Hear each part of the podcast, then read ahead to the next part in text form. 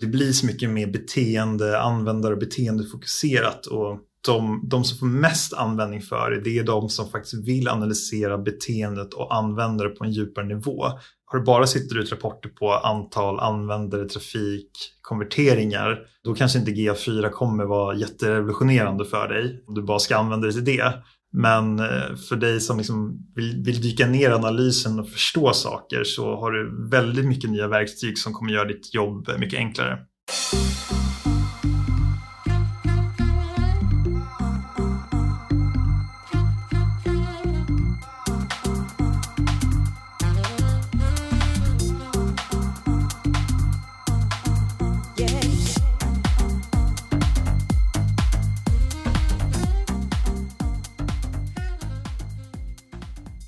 Välkommen tillbaka till Digital marknadsföring med Tony Hammarlund. Det här är en podd där jag intervjuar branschexperter och marknadsförare för att lära mig mer om digital marknadsföring. Mitt mål med podden är att bli en bättre marknadsförare och samtidigt dela med mig av intressanta samtal med några av Sveriges bästa marknadsförare. I det här avsnittet pratar jag Google Analytics 4 tillsammans med Martin Winberg. Googles nya analysverktyg som lanserades den 14 oktober och som är en stor uppdatering från Universal Analytics som lanserades redan 2013. Google Analytics 4 introducerar en rad häftiga nyheter, däribland en helt ny datamodell. Något jag självklart vill lära mig mer om. För att göra det så bjöd jag på nytt in Martin som är en av grundarna till snabbväxande byrån 56K Digital och som arbetar med både digital marknadsföring och digital analys. Martin är otroligt vass på digital analys och har stenkoll på Google Analytics.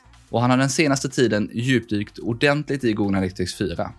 Vi börjar med att prata om varför Google lanserar Google Analytics 4 och huruvida det kommer att ersätta Universal Analytics och Google Analytics for Firebase. Men också vad det är som skiljer mellan dessa. Martin förklarar sedan vad det innebär att Google nu går från en datamodell som utgår från sessioner till en som baseras på events. Vi pratar självklart också om de största nyheterna och fördelarna med Google Analytics 4, med allt från maskininlärning till förbättrad konverteringsspårning. Du får även höra om hur analysarbetet kommer utvecklas, vad det är som saknas i verktyget så här långt och Martins bästa tips för att komma igång på rätt sätt. Vi pratar självklart även en del om själva implementationen och om du redan nu ska gå över till Google Analytics 4. Du hittar som vanligt länkar och andra resurser vi nämner i poddenlägget på tonyhammarlund.io, så du behöver inte anteckna. Efter länkarna i poddenlägget så hittar du även tidsstämplat i olika sektioner i intervjun, samt en pdf där Martin har sammanfattat de 10 största nyheterna och fördelarna med Google Analytics 4. Innan vi kör igång så vill jag även passa på att presentera Queenslab som är med och sponsrar podden. Queenslab är en snabbväxande konsultbyrå som hjälper företag med utveckling, UX och design. Och det är extra kul då jag numera jobbar där och tycker det är grymt att de också valt att sponsra mitt poddprojekt. Du hittar mer information på queenslab.se och följ oss gärna på LinkedIn. Nu kör vi igång intervjun. Martin börjar med att förklara varför Google lanserar Google Analytics 4 och huruvida det helt kommer att ersätta Universal Analytics och Google Analytics for Firebase.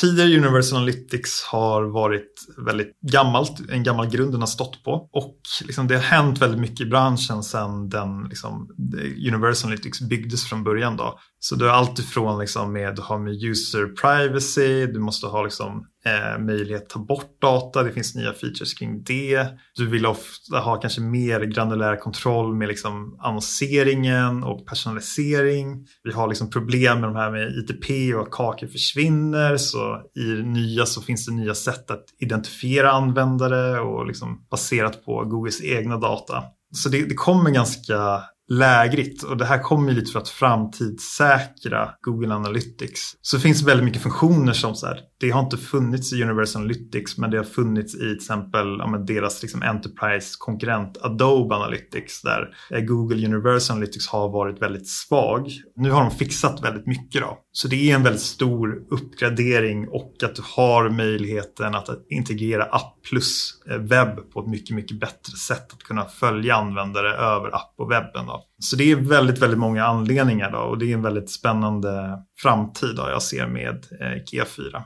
Kommer Google Analytics 4 ersätta både Universal Analytics och Google Analytics for Firebase då? Ja, exakt. Det är det som är, är tanken då egentligen. Att de ska liksom få ihop det här till ett och samma, samma verktyg. Då. De ska ju ersätta Universal Analytics. Alltså stödet för Universal Analytics kommer fortfarande finnas där. Men de uppmanar ju folk att gå över till Google Analytics 4 för det är det nya verktyget. Det är där de kommer satsa all sin utvecklingsresurser på. Så liksom Universal Analytics, det kommer inte vidareutvecklas mer. Eh, du kommer fortfarande kunna använda det och skicka in data till det men det är inte där de kommer vidareutveckla för det är inte där framtiden är egentligen. Så vad är det som skiljer mellan Google Analytics 4 och Universal Analytics och Google Analytics for Firebase?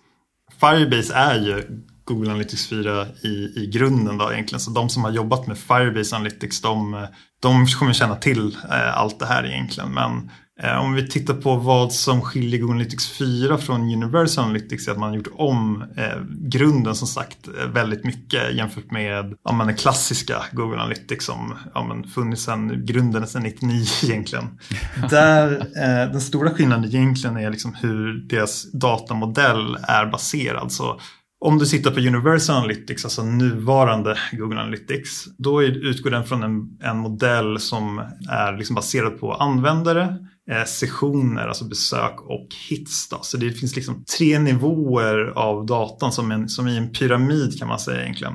I Google Analytics 4 då, så utgår man mer från användare och events. Det här sessionssteget har man liksom skrotat. Och det finns väldigt mycket bra fördelar med det och anledningar till det. Men om man bara tittar på liksom alla våra standardmetrics som till exempel konverteringsgrad, som eh, bounce rate, som eh, tid per session. Mycket av det som kommer out of the box i Universal Analytics det utgår ju från sessioner för att datamodellen eh, i Universal Analytics är uppbyggd på sessioner. Så det försöker man liksom nu gå bort ifrån och det, det har ju liksom andra konkurrenter från Snowplow till Adobe. De har ju inte en sån modell som Universal som är sessioner. Då har man den här eventbaserade modellen då egentligen. Så man kan säga att liksom Google Analytics 4 tar ett steg in i 2020 och framåt. Att man skrotar det här gamla som liksom har legat kvar som en blöt filt egentligen.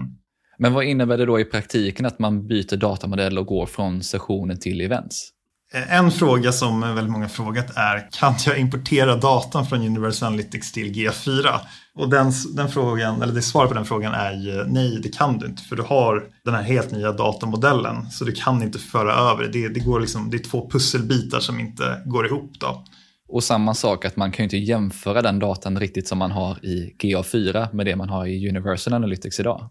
Nej, exakt. De, de, har ändrat vissa begrepp. Så till exempel sessioner, hur den räknas ut har de ändrat. Så till exempel om du i Universal Analytics, säg då har du ju att en session definieras på när du börjar ditt besök och så länge din senaste hit som skickades in till Universal Analytics, alltså till exempel din senaste sidvisning eller event som skickas in. Efter det har hänt, så efter 30 minuter sin senaste pageview till exempel. Då efter 30 minuter så går, går din session ut då. Och sen om du kommer in senare så skapas det upp en ny session då. Eller om du inom 30 minuter byter källa. Så om du till exempel kommer först in från en Google Ads-annons. Då kommer din session, kommer en session startas från Google Ads. Du besöker 10 minuter, sen går du ut och sen fem minuter senare får du en Facebook retargeting-annons. Du klickar på den, kommer in. Då har du skapat upp en ny session för att du har bytt källa. Då. Så då blir det en session på eh, Google Ads, en session i Facebook Ads. Det här fallet eh, är inte i,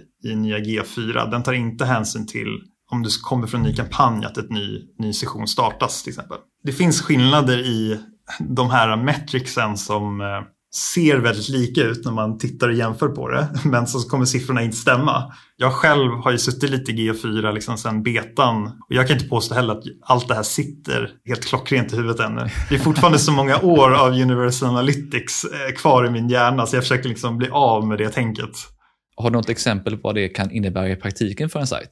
Alltså den största fördelen med nya den här eventbaserade modellen då egentligen att du, du, du, fokuserar på användare och vad de gör för något, alltså vilka events skickas de in då.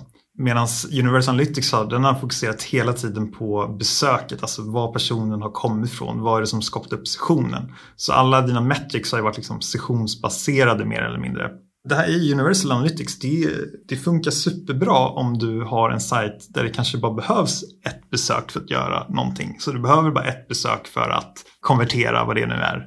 Men säg att du har en längre köpresa, att du har någonting väldigt komplext, till exempel B2B eller du har, säljer dyra möbler på nätet som tar väldigt lång tid att liksom researcha. Då kommer du troligtvis som användare, du kommer inte gå in på ett besök, göra en konvertering direkt. Liksom. Du kommer troligtvis behöva gå in, researcha, kolla grejer. Om du är en B2B, du kanske laddar ner en white paper, du kanske läser på några cases etc. Och den här datamodellen då och liksom GA4 i sig kommer göra det enklare att analysera användaren och beteendet över en längre period då, än vad Universal Analytics gjorde då egentligen. Vad betyder det för hur man jobbar med attribuering när man just inte tittar på bara sessionerna utan faktiskt tittar på eventet i sig? Vi kommer ju fortfarande ha konceptet liksom, sessioner kvar. Eh, inte på samma sätt men på liksom, det nya uppdaterade sättet. Så sessioner i, i sig kommer finnas kvar. Däremot så tror jag att de kommer göra om de rapporterna ganska mycket. För om, du, om man funderar på hur funkar Universal Analytics attributionsrapporter idag? Den utgår bara från att titta på mönster mellan dina sessioner som säger att okej, okay, men eh, den här användaren, den kom först in från den här Facebook-kampanjen, sen den här Google Ads-kampanjen, sen gick den till Google Organic, sen kom det från det här e-mailet och sen konverterade. Och det är ju liksom, det är en jätterelevant och intressant analys. Men det betyder inte att om bara för den användaren gör det, att om en annan användare kommer göra samma resa, att det är liksom besöken, att det är kampanjerna som gör den stora skillnaden. För det är ju skillnad på om någon som kommer in från en Facebook-kampanj, från samma sig om man då har retargeting-kampanj, om de har lagt något i varukollen eller laddat ner den där white papern. Så jag tror att attribueringsrapporterna kommer göras om och tar hänsyn mer till dina interaktioner, alltså dina event som du skickar in. Till exempel för att säga så här, den här white papern som eh, den här personen laddar ner, vi ser att den påverkar så här mycket för konverteringen, så den, den är värd ungefär så här mycket i, liksom din, i din stora attributionsdel. Att säga så här, men de som laddar ner whitepapern, de är så här mycket mer troliga att göra en konvertering. Så jag tror de kommer liksom släppa den här sessionsbaserade attribueringen som, jag säger inte att den är liksom helt felaktig, men jag tror de kommer ta hänsyn till fler saker. För nu med nya G4 så har de till exempel också, de har ju lagt till bättre stöd för att skicka in saker out of the box än bara page use. Till exempel eh, scroll events skickar den in automatiskt nu. Eh, den skickar in liksom file downloads och så. Så den får ju liksom mer data out of the box, en strukturerad data den kan göra den här analysen på egentligen. Ja, men det är superintressant för att just att gå från att bara titta, som du säger, på vilken källa kommer den här besökaren ifrån, till att faktiskt titta, vad gör besökaren? Vad är det som gör att mina besökare konverterar? Mm. Det är ju en helt annan sak. Ja, men exakt. Du var inne där på rapporter, för rent UI-mässigt så är det också en hel del som har förändrats sen Universal Analytics. Så menyerna är ju till exempel helt andra. Så kan du berätta lite mer vad det är som faktiskt har uppdaterats i eh, interfacet? Det är ganska likt så här färgmässigt och lite som så. Men det är ganska mycket som är så nytt och det är ganska mycket som hur rapporterna och så lite ser ut är också väldigt nytt. Men om man tittar på Universal Analytics, de rapporterna var uppstrukturerade så var det så här uh, users, acquisition, behavior och conversions. Nu har de acquisition, engagement, monetization och retention av användare. Alltså så här, hur körnar användare? Hur, hur ofta kommer de tillbaks? Vad är lifetime value? De rapporterna, det har funnits några halvdana sådana rapporter tidigare i Universal Analytics under users. Men de har varit ganska mjäkiga skulle jag säga. Men de här, de här rapporterna kommer vara helt klart mycket bättre för också datamodellen gör att det blir enklare för dem att göra de här analyserna det som jag också tycker är intressant är ju liksom om man tittar på users till exempel att i tidigare Universal Analytics då utgick du från kakor i din webbläsare. Och det har ju flera problem. Ena problemet är ju liksom att idag eh, så använder ju många flera enheter än en. Sen har du ju ITP som bland annat dödar kakor efter, efter sju dagar. Det är ju ett helt poddavsnitt i sig. så det är, vad nu med G4 så kan du ändra hur den ska identifiera en användare och det här tycker jag är eh, väldigt intressant för det som är intressant är att du kan switcha mellan lägena och dina rapporter kommer kunna ändras utifrån vad du väljer. Så Du har att du kan köra precis som Universal Analytics, att det går per användare. Så det är liksom, du kan köra det precis som Universal Analytics. Det du kan också göra är att använda, skicka in ett user ID själv om du har folk som loggar in.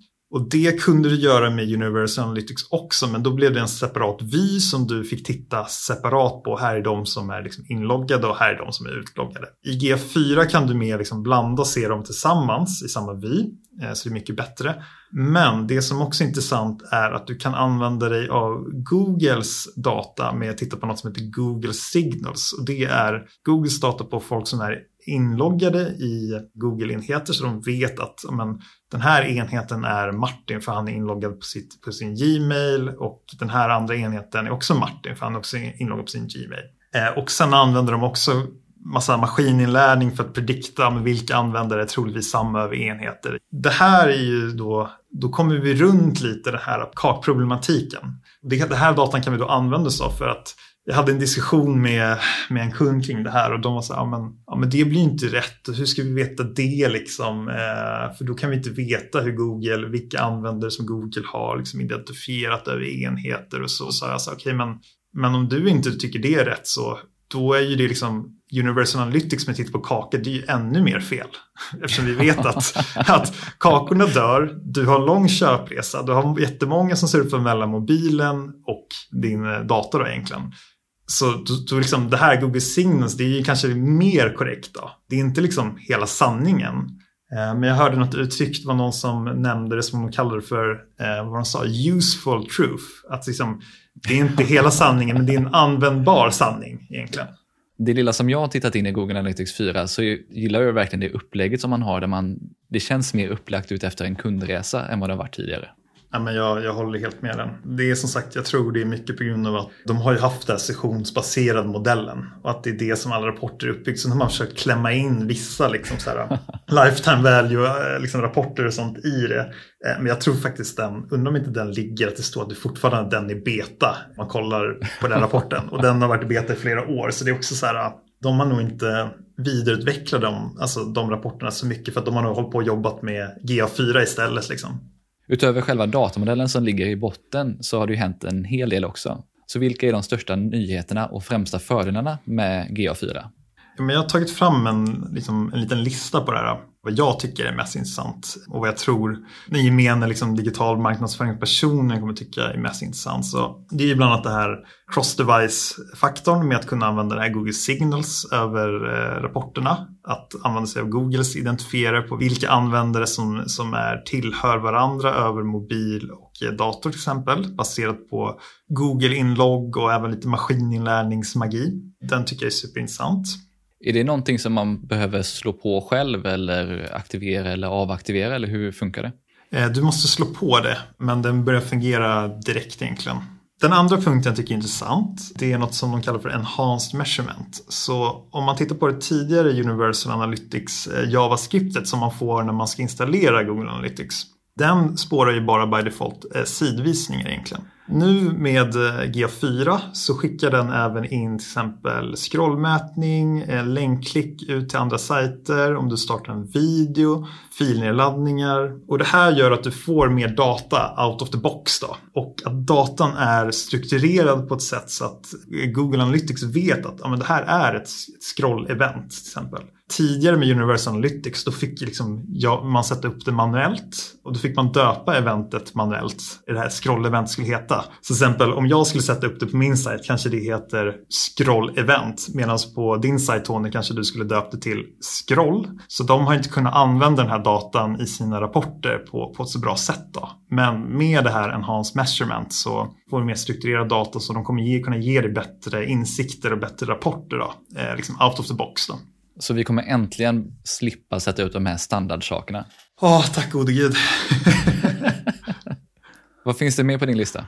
Ja, men det är egentligen den här maskininlärningsdelen och det har funnits eh, vissa delar i liksom, nuvarande Universal Analytics kring det. Men eftersom de har nu mer strukturerad data, de har också vissa liksom rekommenderade events som du ska skicka in andra saker i det så har de liksom rekommendation på hur du ska skicka in det med eventnamn och så. Det de kommer foka på nu det är att använda maskininlärning för att kunna lära sig beteendet på användare och inte bara från din data utifrån alla som har G4 installerat egentligen. Så de kommer kunna se mönster, de kommer kunna predikta med hur troligt är det att den här användaren kommer komma tillbaka till din sajt och göra ett köp eller hur troligt är att den här användaren inte kommer komma tillbaka igen? Och då kan du skapa upp till exempel olika segment och använda det i din marknadsföring för att till exempel återaktivera användare som den prediktar att ja, men de här är ganska hög sannolikhet på att de här kommer inte komma tillbaka igen. Så, så det här kommer, vara, kommer komma ut väldigt mycket rapporter baserat på, på det här. På tal om maskininlärning och lära sig om besökare så har de väl också en ny typ av audience builder i nya GA4? Mm, exakt. De har ju liksom en ny audience builder tool då, som egentligen för att skapa upp segment. Då. För er, er som kanske inte jobbat med segment så ett segment egentligen ta ut ett par till exempel användare utifrån vad de har gjort då, tidigare utifrån några parametrar. Så säg att jag vill plocka ut användare som har gjort det här på sajten eller kommit från den här källan. Och då vill jag titta på, på dem då och se vad, vad de har gjort. Då. Och den här har de förbättrat väldigt, väldigt mycket. Så i nya GA4 så har du lite nya möjligheter. Så i det tidigare Universal då kunde du endast göra eh, segment baserade på användarnivå eller sessionsnivå. Då. Och det här är liksom någonting som varit en ganska stor grej. Att det går inte att göra det på liksom en hitnivå och säga så här, men plocka ut bara de här hitsen egentligen folk som jobbat i Adobe Analytics, då har den featuren funnits och det har varit så här, typ en av de stora skulle säga, usparna i Adobe Analytics. Men nu, nu kommer det här till G4. Och med det kan du till exempel göra så här, men plocka ut bara de här vissa events eh, utifrån de här parametrarna. Och om man försökte göra det i Universal Analytics och då kunde du endast göra det på sessionsnivå. Och vad som innebar då är att du får ut de eventsen som du vill ha. Men du får också då ut alla events i den sessionen som du inte vill ha. Yes, för du har inte kunnat drilla ner det på liksom en hitnivå eh, där egentligen. Sen har du lite andra nice features eh, också kring den här. Det är eh, du kan ta tid i aspekt. Så till exempel du kan säga ja, men, en användare ska gått mellan de här stegen inom en viss tid. I Universal Analytics så kunde du inte liksom, styra det på tid, du kunde endast göra det på du ska gått från det här steget till det steget till det steget till exempel. Men inte liksom en tidsaspekt. Och där finns det också nya rapporter som gör att du kan analysera tid på, på ett bättre sätt också i GA4. Du kan även leka med till exempel också i den här nya audiensbilden med så här, temporärt exkludera användaren från ett segment. Så ett use case för marknadsförare kring det är till exempel om, säg att vi vill bygga en audience för att göra remarketing på i Google Ads eller YouTube och ladda upp det till, till, till Google Ads. Så vi vill då säga att de har varit inne och kollat på vissa produkter och då vill vi köra retargeting på dem. Men sen så handlar de hos oss och då vill vi kanske ta bort dem från den här retargeting-listan egentligen så att de inte får annonser. Så då kan du säga till, i segmentet, säga så här, ja, men okej, när, när det här har skett, när de har gjort ett köp, exkludera dem antingen permanent från det här segmentet eller exkludera dem temporärt från det här segmentet. Så exkludera dem fram till tio dagar efter de gjorde sitt köp. Och sen efter tio dagar, då kan jag vilja börja visa dem annonser igen till exempel. Så du kan göra lite intressanta liksom, eh, segment baserat på tid, då, vilket är mm, men, superspännande tycker jag. Ja, men det är jätteintressant, för det kombinerat med att man har bättre stöd för cross-device tracking gör ju att man faktiskt kan göra det här på ett bra sätt. Att man kan utesluta kanske då i större utsträckning fler enheter för någon med retargeting. Ja, men verkligen.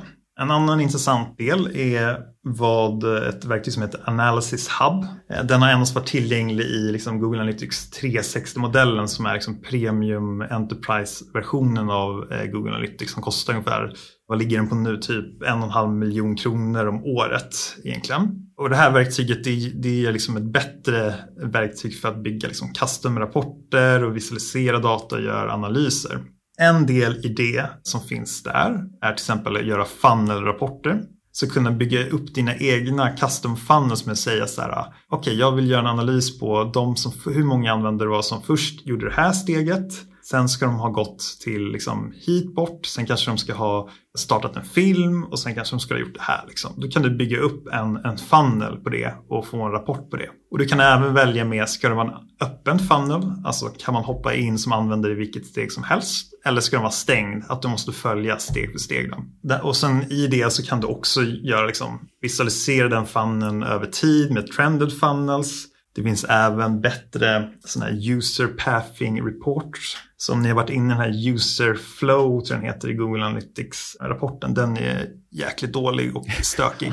den har blivit mycket bättre kan jag säga. Det som är coolt med den är att du, du kan liksom titta på alla events och liksom users, men du kan även göra något som heter backwards pathing. Säg Tony att du har så här, okej, okay, jag, jag satte upp ett white paper som jag vill att folk ska ladda ner. Sen börjar folk ladda ner det här white paperet. Och då vill du ta reda på, okej, okay, men hur kom de till det här white paperet? Och då menar jag inte utifrån sessionen, alltså din marknadsföringskampanj. Alltså hur har de betett sig på sajten innan de valde att nu ska jag ladda ner det här white paperet. Då kan du använda ditt liksom, huvudmål, nedladdning av white paperet och göra backwards pathing och säga så här, men visa stegen innan de kom hit. Och då visar den upp så här, ja men så här flödade dina användare precis innan de laddade ner ditt white paper då egentligen. Ja, men det är ju en drömfunktion att kunna ha den, att kunna spåra det så istället för som sagt bara titta på att ja, det är Facebook-trafiken eller det är LinkedIn-trafiken som konverterar bra. Ja men exakt och det här, det här skulle jag säga är liksom ett genomgående tema i G4. Att det blir så mycket mer beteende, användare och beteendefokuserat. Och de, de som får mest användning för det, det är de som faktiskt vill analysera beteendet och använda det på en djupare nivå. Har du bara sitter ut rapporter på antal användare, trafik, konverteringar, då kanske inte GA4 kommer vara jätterevolutionerande för dig om du bara ska använda dig till det. Men eh, för dig som liksom vill, vill, dyka ner i analysen och förstå saker så har du väldigt mycket nya verktyg som kommer göra ditt jobb mycket enklare. En annan sak som har funnits i Google Analytics 360 är ju BigQuery. Och det är ju någonting som har kommit nu i GA4, även för oss gratisanvändare så att säga. Exakt, så om vi först bara går igenom vad BigQuery är så det är egentligen Googles lösning på en data warehouse i Google Cloud Platform. Och den här lösningen liksom bygger på Googles egna infrastruktur och någonting de själva liksom använder sig av. Så det är liksom en, en massiv databas egentligen som du kan eh, trycka in hur mycket data som helst egentligen och analysera din data. Som du säger, då, så den här exporten av din, din rådata har bara funnits tillgänglig i liksom Premium 360-versionen. Nu får alla tillgång till det. Och det är superintressant tycker jag. För när man ska börja göra liksom djupa analyser, när du ska försöka integrera eh, liksom din geodata med andra system. Då har liksom Universal Analytics, till exempel API, varit extremt begränsat med hur du kan få ut din data. Så det gjorde det väldigt svårt att integrera det med andra system eller göra de här djupgående analyserna som du nu även nu i GA4 får liksom ett mycket bättre interface i webbinterfacet för att göra analyser. Men du får också tillgång till liksom all din rådata. Så varenda sak som har skickats in till ditt GA4-konto får du i BigQuery som en liten Excel-rad på exakt vad som har skickats in egentligen. Som du kan göra vad tusan du vill med. Så du kan göra liksom analyser, du kan använda eh, Google, Google Cloud Platforms olika verktyg. Till exempel så har de ett verktyg som heter AutoML, alltså Auto Machine Learning. Så om du vill göra din egen maskininlärning och predikta saker själv och pilla med det så kan du göra det direkt i Google Cloud Platform baserat på den här datan. Då. Och det här är för mig den, den stora grejen som jag gör, tror att kommer pusha industrin framåt till smartare lösningar och kunna integrera data med andra datakällor på, på ett helt annat sätt än vad som gått tidigare. Då. Utöver för att få tillgång till BigQuery så har ju en anledning varit att man har uppgraderat till Google Analytics 360 har ju varit att det är obegränsad datainsamling. Men det är ju någonting som kommer standard nu i GA4. Varför ger Google oss möjligheten till obegränsad data och BigQuery-export? Eh, det är en bra fråga. Så vi har haft problem med vissa kunder som har varit liksom, eh, ganska stora så att de, de slår i taket på Universal Analytics liksom, hit limit. Men de kanske inte är tillräckligt stora för att det är värt för dem att köpa in alltså, GA360 för en och en halv miljon kronor om året. de vill hellre lägga de pengarna på liksom sin marknadsföring, vilket är helt rimligt. Så som du säger, så, okay, men med GA4 så finns det ingen limit på hur mycket data du kan skicka in. Du kan skicka in liksom hur mycket som helst egentligen. Det finns vissa begränsningar med så här, hur långa dina events namn får, får vara och liksom lite andra saker. Även så har du viss sampling i interfacet precis som liksom med Universal Analytics. Men rent tekniskt sett så kan du skicka in hur mycket som helst. Och du får tillgången till den här BigQuery-exporten. Då. Så varför gör man det här då, från Googles perspektiv? Och då måste jag backa bandet lite igen till historien till GA för att liksom ge hela, hela perspektivet och hela liksom svaret. Om vi då tänker hur världen var 2005 digital marknadsföringsmässigt. Google köpte ju upp det här liksom analysverktyget Urchin för att egentligen vad jag tror att bevisa att så här, ett för att få in, samla in data över massa webbplatser, fantastiskt gratisverktyg så att de kan samla in en massa data. Men eh, sen också att använda det för att pusha Google AdWords eller Google Ads som det heter idag. Och nu 2020, idag, de flesta som det är relevant att köpa Google Ads-trafik, alltså sökannonseringstrafik eh, eller YouTube, de, de gör det redan idag. Det finns inte så många nya kunder för Google att jaga som kommer komma med jättestora budgetar som det fanns 2005. Då. Deras strategi med gamla Google Analytics, den, den har de ju lyckats med. Nu, nu använder ju nästan alla Google Ads som liksom det är relevant för egentligen. Så deras strategi här nu är att okay, vi kan inte tjäna så himla mycket mer pengar i Google Ads längre. Liksom vi, vi, liksom, vi har mjölkat det så mycket det går att mjölka nu nästan i princip. Det är inte där de kommer att tjäna pengarna. Det är i Google Cloud Platforms. De ser det här som att okej, okay, ger vi bort den här BigQuery och den obegränsade datan då har alla sin geodata i Google Cloud Platform där de tar betalt för det. Och sen kommer det vara, ja ah, men här har du lite andra sköna produkter du kan köpa i Google Cloud Platform när du nu när du ändå har datan där. Så det är, liksom, det, det, är det som jag tror är deras långsiktiga strategi och det som är så intressant med hela cloud-världen är att det är fortfarande en värld som växer väldigt snabbt med att fler och fler går över till att köra allting i cloud med sina liksom, webbappar och allting. Men det som också är intressant är att här är faktiskt inte Googles lösning, alltså Google Cloud-plattformen är inte störst. Det är Amazon Web Services och Microsoft Azure som är mycket, mycket större än Google Cloud. Så Google, liksom, de ligger efter. Så det här är liksom strategin för dem att få in folk och liksom komma ikapp på den här marknaden där de faktiskt ligger efter. Ja, men det känns som en smart plan. Jag tror att Google kommer lyckas med det här för att de har ju som sagt verkligen fått hela världen att använda Google Ads tack vare, som du säger, Google Analytics.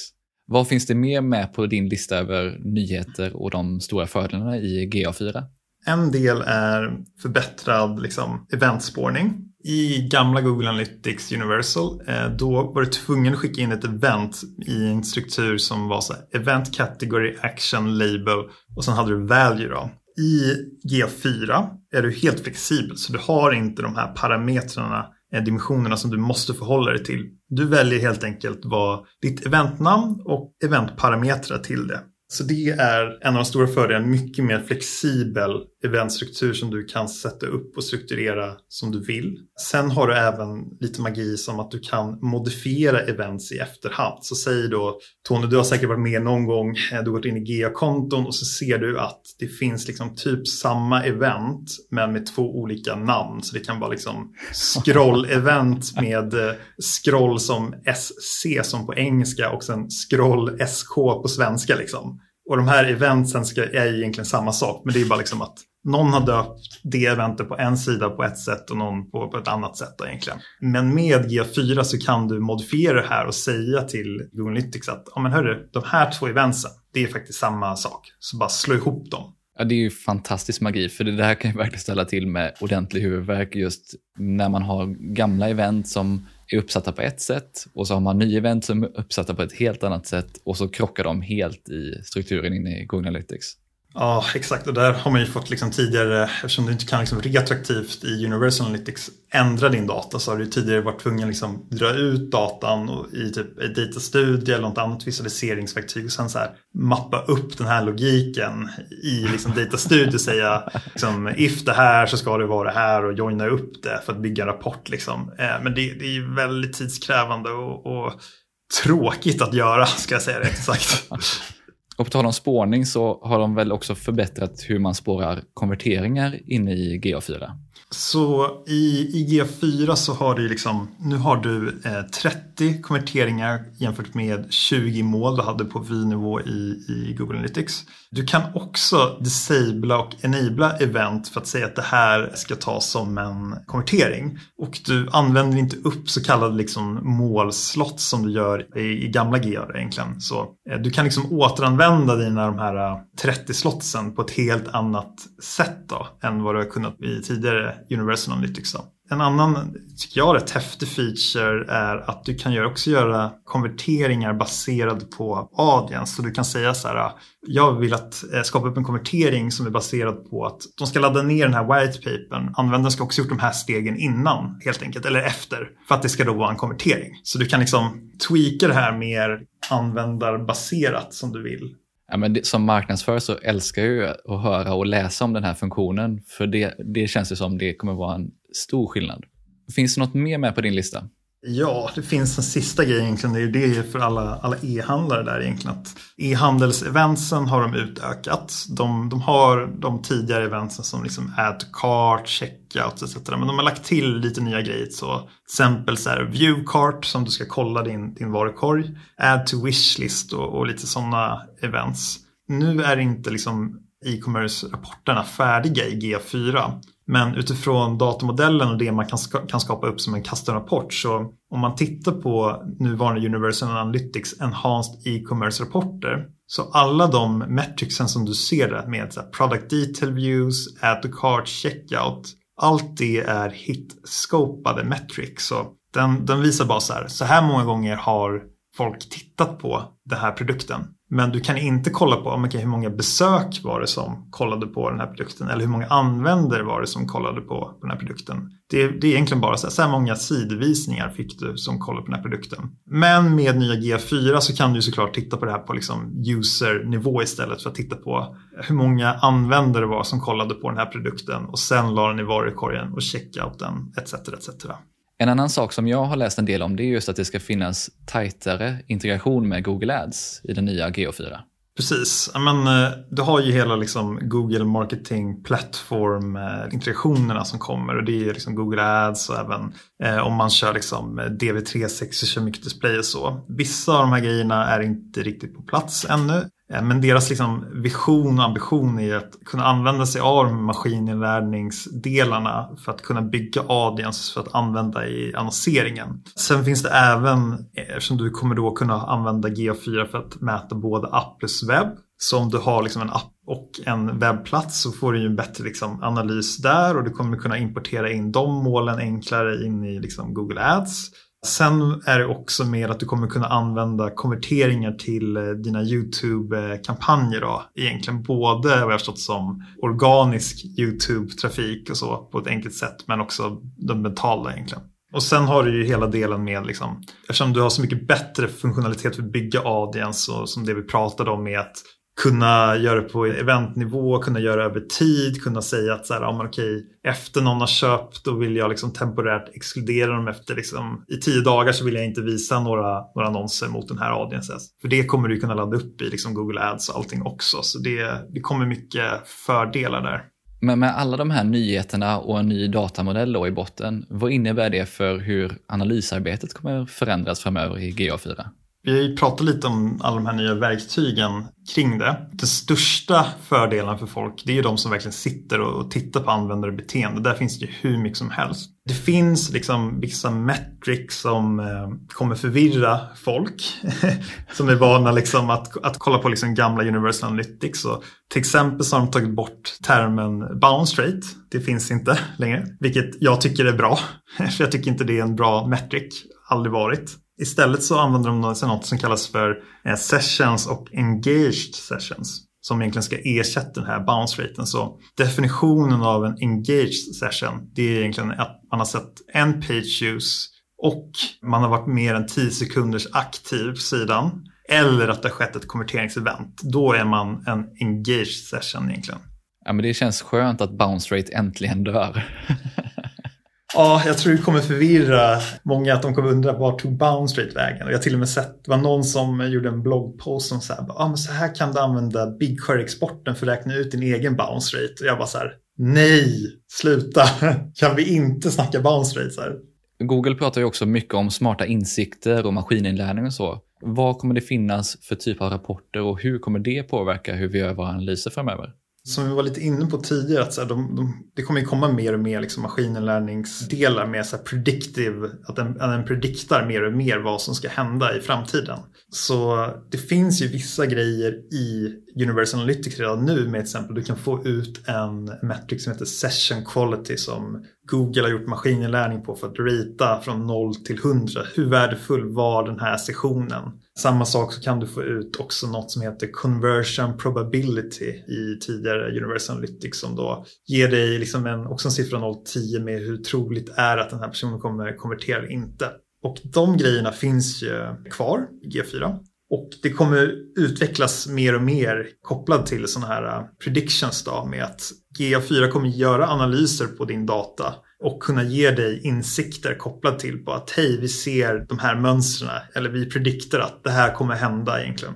Det har inte skett allt för mycket nytt där, men det kommer komma. Och det är också en av anledningarna alltså med hela de här varför de har uppgraderat standardskriptet med att skicka in mer saker som scroll-events och satt mer så här äh, en bättre struktur för eventnamnen, att det ska följa en viss struktur. Det är för att de, de behöver ha datan i ett strukturerat sätt för att kunna använda sin maskininlärning på flera sajter för att kunna ge smartare insikter och predictions egentligen.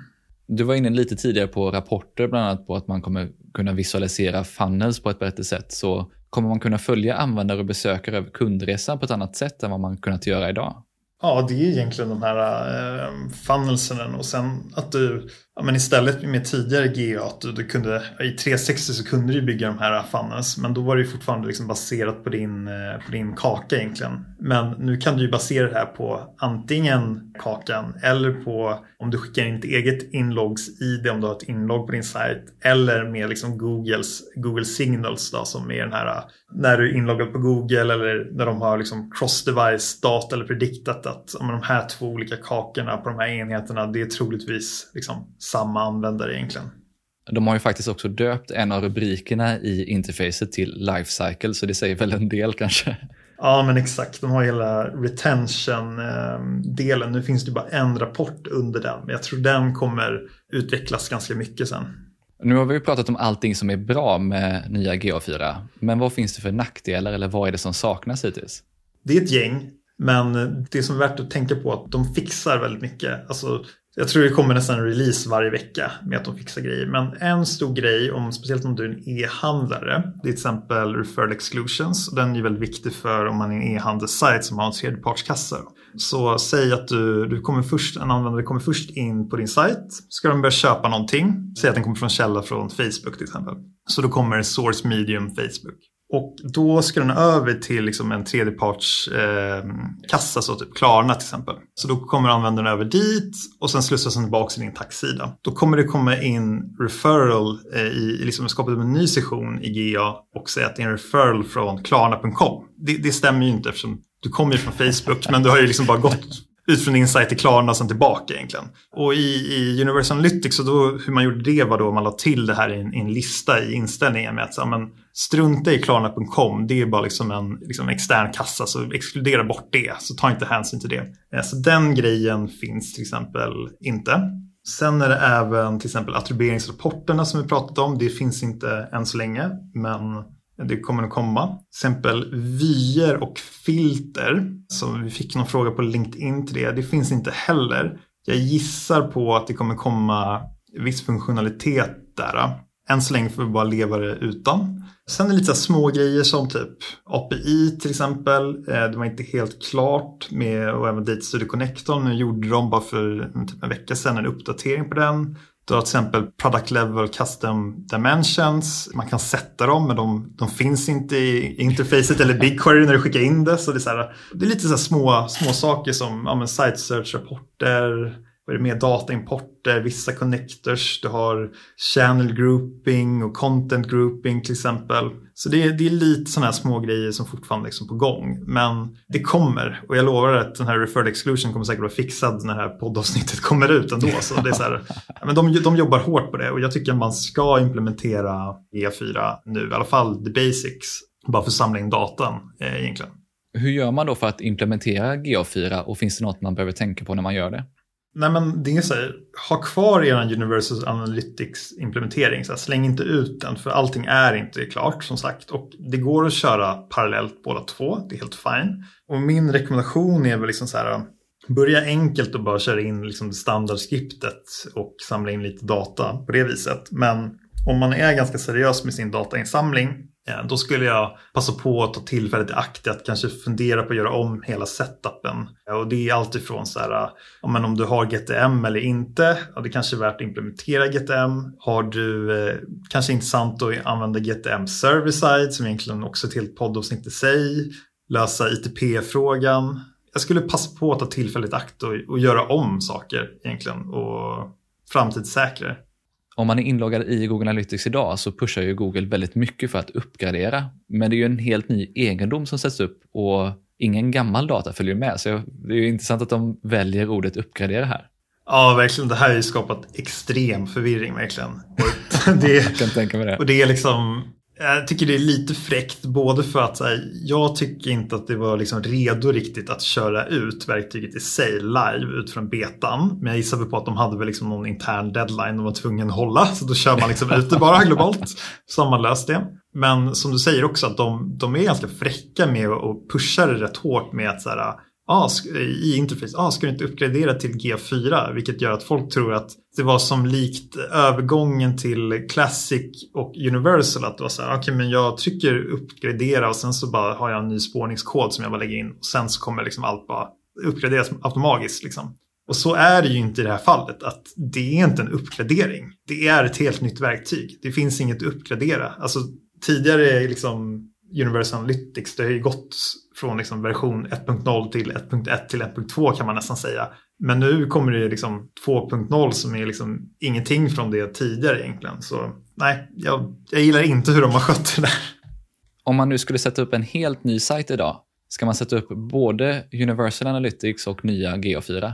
Ja, den, alltså den är svår. Alltså om man kan Universal Analytics och är bekväm med det så skulle jag nog eh, definitivt göra det. Om man är helt ny, aldrig suttit i Universal Analytics, då kanske man kan passa på att skita i Universal Analytics och bara köra G4 faktiskt.